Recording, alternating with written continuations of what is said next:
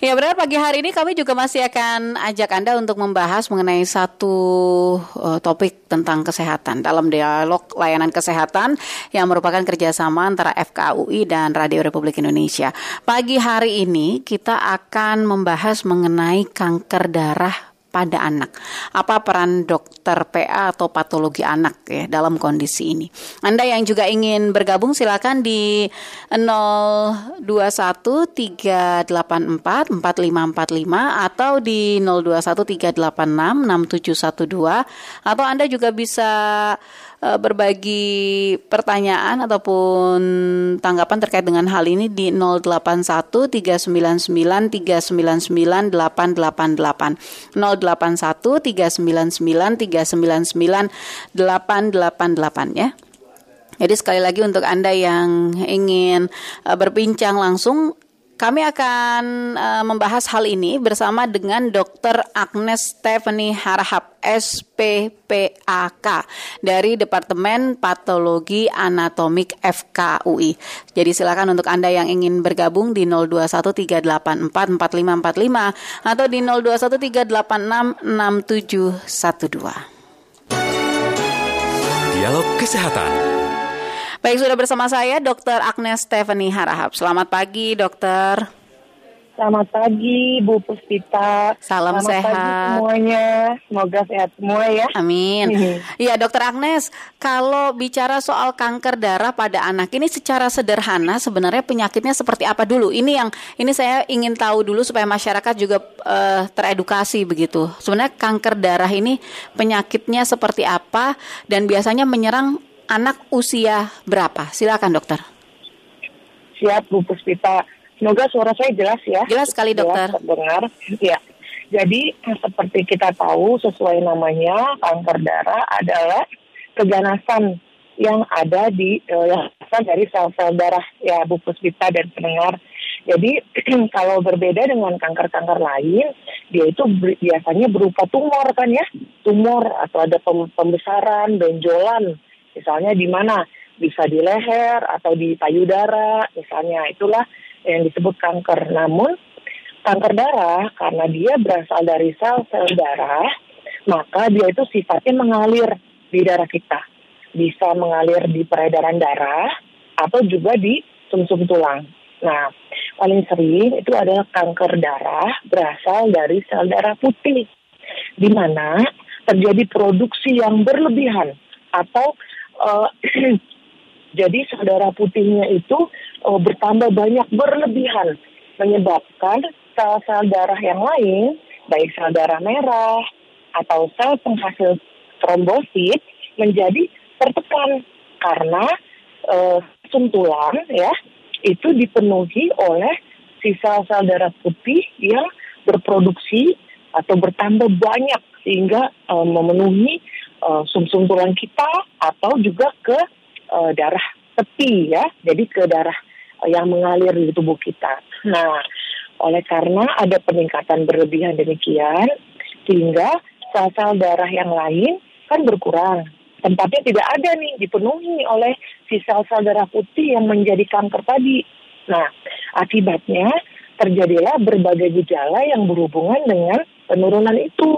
Misalnya karena sel darah merahnya berkurang, pasiennya anemia, maka dia itu menjadi lemas, kemudian dia pucat, nah kemudian sakit sakit-sakit tulang, ya karena ada dia di sumsum -sum tulang, kemudian karena uh, uh, sel yang menghasilkan trombosit itu uh, juga ber, berkurang, maka uh, pasiennya itu kekurangan trombosit. Sehingga dia gampang memar tuh biru-biru gitu.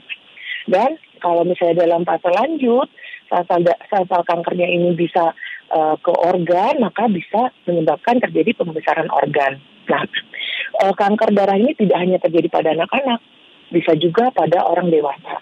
Pada anak-anak paling sering itu adalah leukemia ya, jenis leukemia limfoblastik akut ya, atau kita biasa singkat ALL. Nah, ALL ini kira-kira ada pada 30 persen eh, keganasan pada anak ya. Mm-hmm. Sebabnya kita nggak pernah tahu. Mm-hmm. Jadi yang paling genetik ya. Artinya mutasi menyebabkan perubahan genetik dan terjadilah kanker. Oke. Tapi ada juga sebab-sebab lain seperti radiasi, misalnya riwayat radiasi tinggi. Kalau misalnya di negara-negara lain tuh yang bekas reaktor nuklir gitu, atau eh, riwayat ini keseringan ronsen waktu kecil, misalnya. Terus kemudian juga ada bahan-bahan kimia ya seperti benzen. Kemudian ada juga hmm, obat-obatan, pengguna penggunaan obat-obatan itu. Cuman memang yang paling utama itu adalah eh, adanya mutasi ya. Itulah penyebab utama dari eh, penyakit eh, leukemia itu. Oke. Tapi Jadi, uh, silakan dilanjutkan dokter. Iya. Jadi mungkin sebagai orang tua eh, harus mengetahui eh, gejalanya ya untuk kemudian dapat eh, membawakan anaknya ke eh, ini terdekat. Nah, tapi kita juga jangan jadi orang tua yang paranoid ya, karena Mm-mm. siapa tahu misalnya penurunan trombosit karena demam berdarah gitu. Jadi harus diperiksa secara benar ke dokter yang tepat ya.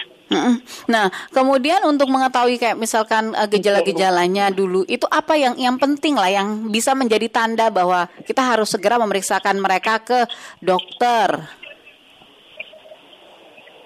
Mohon izin Bu Puspita, barusan terputus sedikit, mohon maaf. Iya, jadi apa misalkan eh, tanda-tanda yang harus diwaspadai oleh orang tua yang ini bisa menjadi sign sebenarnya kalau orang tua harus segera membawa putra-putri mereka ke dokter. Iya benar. Jadi eh, apabila eh, anak sakit ya, terutama pada usia 2 sampai 6 tahun, namun bisa juga sih pada usia lebih dari itu ya, itu kan kira-kira ya. Mm-mm. Segera bawa ke dokter, mungkin dokter pertama dulu ya untuk di screening Mm-mm. atau ke dokter anak, dokter anak untuk di screening gitu. Oke, lalu dok kalau bicara soal dokter patologi anak ini bedanya dengan dokter anak itu seperti apa peranannya dokter patologi ini dalam dalam kasus misalkan penyakit kanker darah pada anak ini seperti apa, dokter? Halo dokter Agnes. Iya baik, Eh, sepertinya kami memiliki kendala komunikasi dengan dokter Agnes Stefani Harahap. Pendengar kami masih berbincang terkait dengan kanker darah pada anak lalu apa peran dokter patologi anak? Eh, dokter Agnes eh, merupakan dokter di Departemen Patologi Anatomik dari FKUI kami masih coba menghubungi beliau kembali untuk berbincang terkait dengan tema kita pagi hari ini. Anda yang ingin bergabung silakan 0213844545 atau di 0213866712 atau juga WhatsApp di 081399399888 kembali sudah bergabung bersama kami Dokter Agnes. Selamat pagi, Dokter. Dokter Pagi, sudah bisa. maaf ya. Iya, Hmm. tidak apa-apa. Baik, dokter sudah ada pendengar yang bergabung. Kita sapa langsung ya, pendengar Pak Udin dari Boyolali. Pak Udin, selamat pagi. Selamat pagi, Selamat pagi Pak Udin. Silakan Pak Udin. Ya, selamat pagi Bu, Ibu Agnes. Departemen Ya, ya Pak atau Udin. eh, terkait kanker yang kita bahas ya Bu. Kan eh, salah satu penyebabnya itu sering ronsen di waktu kecil. Nah, apakah kalau orang ronsen eh, orang yang orang kecil atau orang besar gitu orang yang orang kecil atau orang dewasa gitu ya Bu itu yang orang anak kecilnya itu lebih bisa lebih sensitif terkena itu bu kanker itu darah itu. Demikian terima kasih. Assalamualaikum warahmatullahi wabarakatuh Waalaikumsalam warahmatullahi wabarakatuh. Silakan. Saya nangkap, saya nangkap pertanyaan Pak Udin kalau nggak salah apabila dia terkena radiasi misalnya ronsen ya, eh, apakah eh, lebih sensitif untuk anak kecil? Jadi sebenarnya eh, saya tidak bilang bahwa dengan ronsen bisa menjadi kanker, tapi eh, yang pertama penyebab salah satu penyebab eh, kanker itu adalah radiasi. Jadi radiasi itu secara umum eh, bisa juga radiasi atau kan eh, dulu eh, radiasi eh, nuklir apa bekas eh, Hiroshima Nagasaki. Nah, waktu pasca eh, Jepang kena Hirosh eh, kena bom itu di Jepang itu angka kanker tiroid pada anak itu tinggi. Nah, itulah salah satu penyebabnya gitu. Nah, yang paling sering kita sehari-hari kena radiasi kan selain radiasi HP ya, mungkin ya. eh, tapi juga radiasi misalnya kita harus ronsen. Makanya kalau ronsen itu sebenarnya tidak masalah, tapi enam bulan sekali gitu.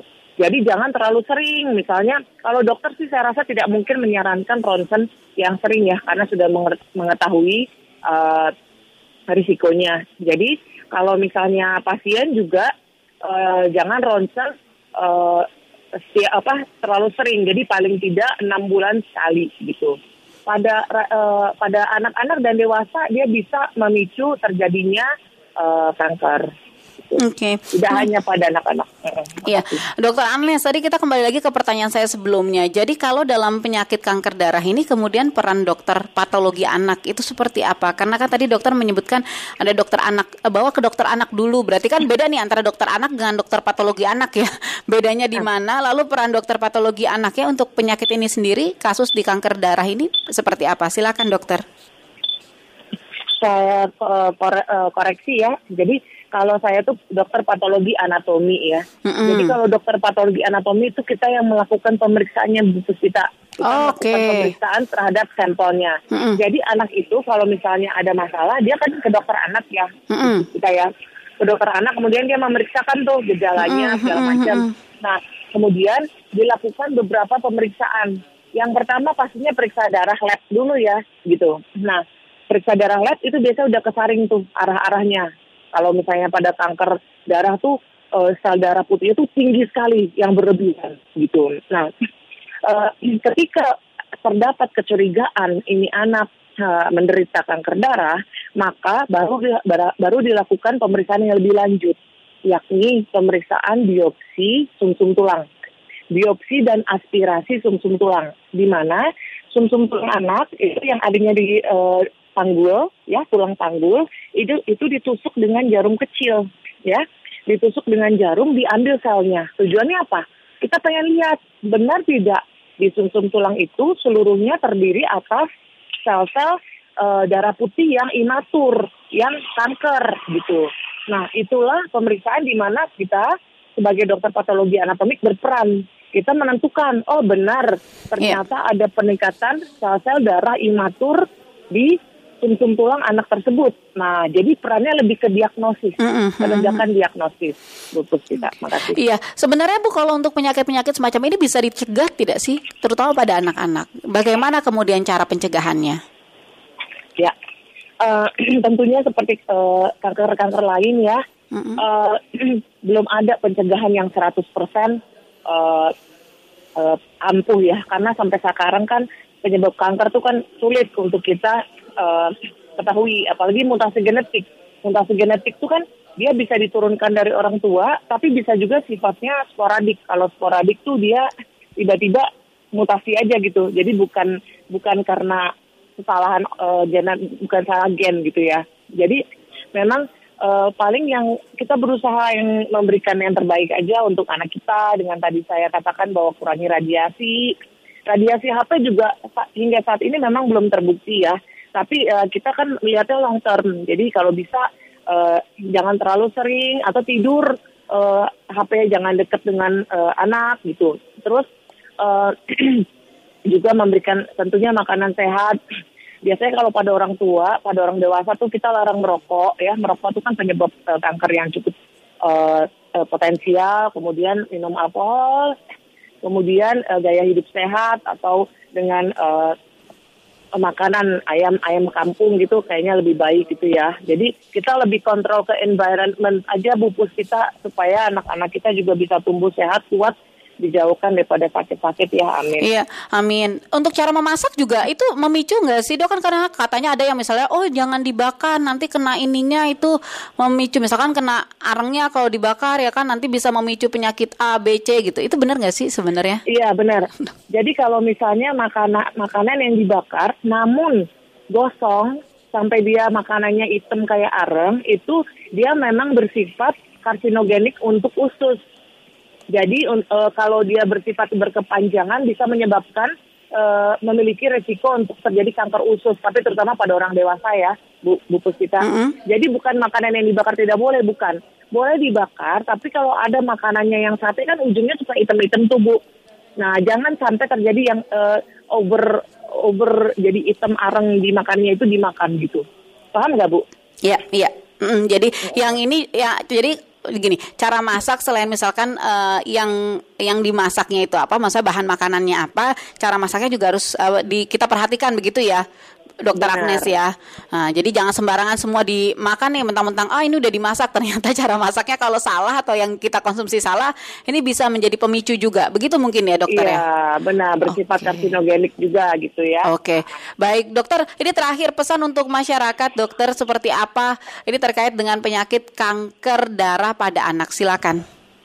Ya, jadi eh, kita sebagai orang tua kita harus aware sama eh, lingkungan anak kita dan juga keadaan umum keadaan fisik anak. Ingat kalau anak sakit segeralah bawa ke dokter karena anak-anak itu juga selain eh, mungkin selain kanker tapi de- eh, dengan infeksi juga dia rentan ya rentan untuk menjadi eh, perburukan. Jadi eh, bawalah ke dokter, eh, jangan eh, ngobatin sendiri apalagi sekarang udah banyak eh, internet ada Google ya. Semua langsung Google terus ngobatin sendiri. Jadi bawalah ke dokter aware sama eh, sakit anak kita. Dan juga mungkin eh, kita biasakan anak eh, hidup sehat ya. Eh, dan eh, semoga eh, kita semua juga eh, dalam keadaan sehat ya terima kasih Bu Puspita. Baik, terima kasih dokter Agnes. Selamat kembali beraktivitas. Sehat selalu dokter ya. semua ya Selamat pagi. selamat pagi Demikian mendengar dialog layanan kesehatan pagi hari ini bersama dengan Dr. Agnes Stefani Harhab SPPAK dari Departemen Patologi Anatomik FKUI.